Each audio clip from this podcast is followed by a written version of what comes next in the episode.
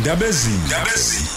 njalo ngesonto kusukela ngo-12 kuya ku-3 ekuseni. Ukhozi FM lihamba phambili imlalelo ukhozi bengisaxhumana naye umkhulu ungane mcambi ngaso lesisikhathi eh sizongena nayo ingosi yethu ingxoxo yethu sithi asikhulume asifunde ukuthile ngesintu sethu. Siyakwamukela okhosini ekseni nje kuyisonto mhla ka4 nyanga kaSeptember. Indaba ezinhle msakazi nabalaleli. Kuyinyanga kaMandulo. Ngibingelele kondaba ezitha.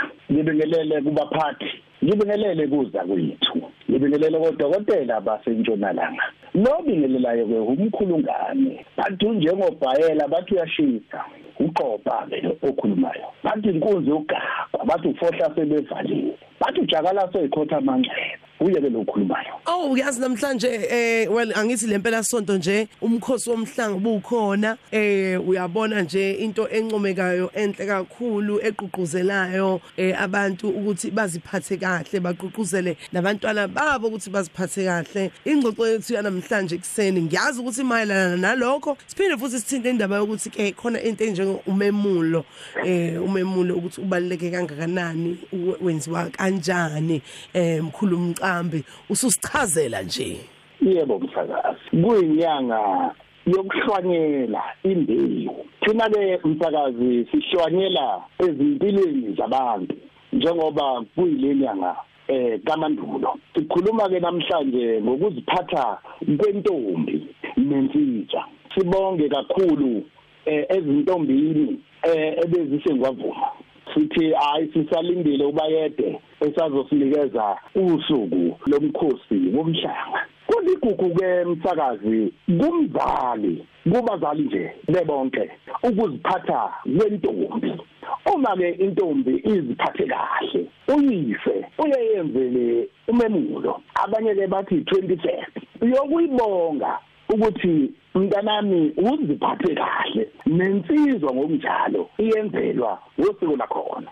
Umyenzelwa ke umsakazi intombi ilanda umkhonto komalume. Uma ingakabi nesoka ulandeke umkhonto umsakazi nawo lo mkhonto umsakazi awu- awubuyeli wodwa lapha ya kwamalume. Khona ekufanele ibuyele nakho ukwenzela ini okwenzela ukubika phela ukuthi njengoba kade izolanda nje umshana lomkhonto uyise ezomemulisa uma engasekho uyise obaba bayo laba bakhona bezo bezoyenzela ingane ngqo. Kuye kwenziwe ke usiko njengoba sikhuluma nje ngenyanga yamandulo inyanga yamasiko. Yebo. Yebo msakazi. Khona ke abanye othola ukuthi ke bona kabenzelwanga umemulo. Lapha kubaluleke khona msakazi kakhulu sike sathinta esikhathini esingaphambili sikhuluma ngokwenzelwa umhlonyana ingane ikhishwa ebuncaneni ifakwa ebudaleni ngiyakhumbula sikhuluma ngalokho eh Yebo. mkhulu ungane yebo. Ehe. yebo msakazi uthola ukuthi abanye msakazi eh bezintombi baye be- bebe noku- noku- nokuzenyeza ngoku- ngokulimala kwabo ngokwephuka kwabendleleni yezwa msakazi? Uthola ukuthi ke labo labo bantu abanjalo asebelime baye bethole ke manje sebezingena nasezidakamizweni okungafanele ke msakazi siye sithi ke thina njengaba njengab- njengabantu abenza lo msebenzi wokuphelisa abantu.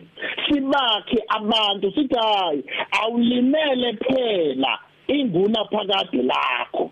Kodwa kusokuphuka kwesikhashana kuyenzeka. Yeah. ngezomsakazi Yeah. uthola ukuthi o- omunye usezungena ngisho ezidakamizweni uphuza utshwala. Omunye udla izidakamizwa nje impilo yakhe useyayilahla.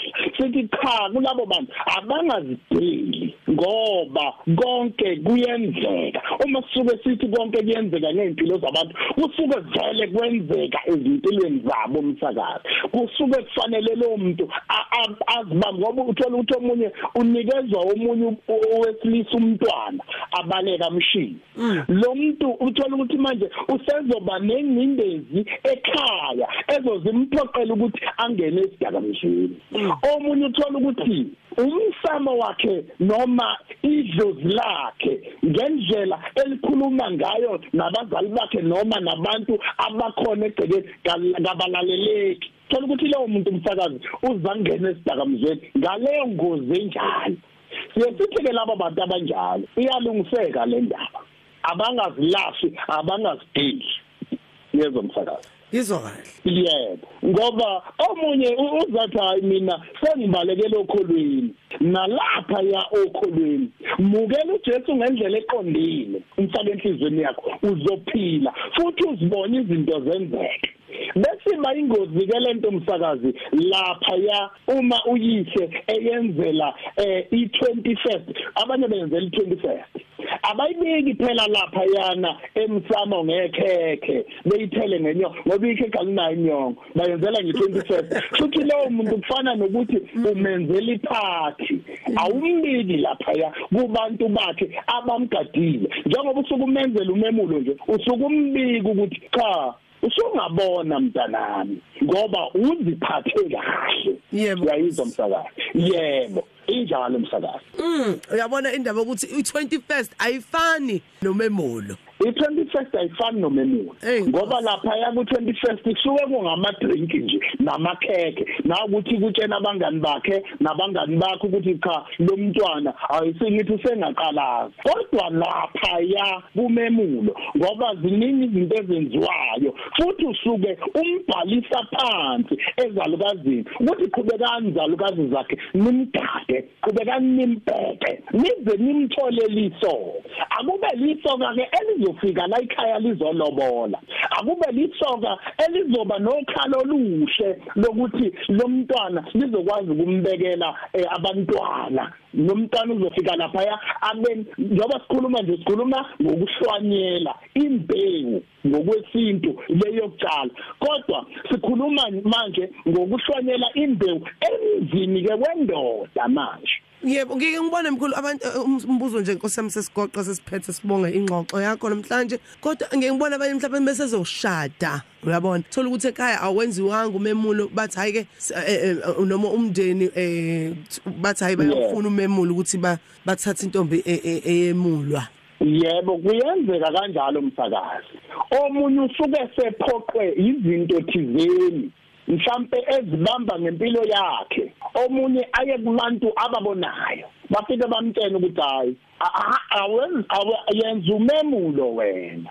Mhlawumbe uthola ukuthi lo muntu okuthiwa kenzela umemulo wenzelwa isalukazi esiphethe yena ukuze ezohamba kahle phela ayogana. Uyayizwa msakazi? ngizwa kahle Yebo.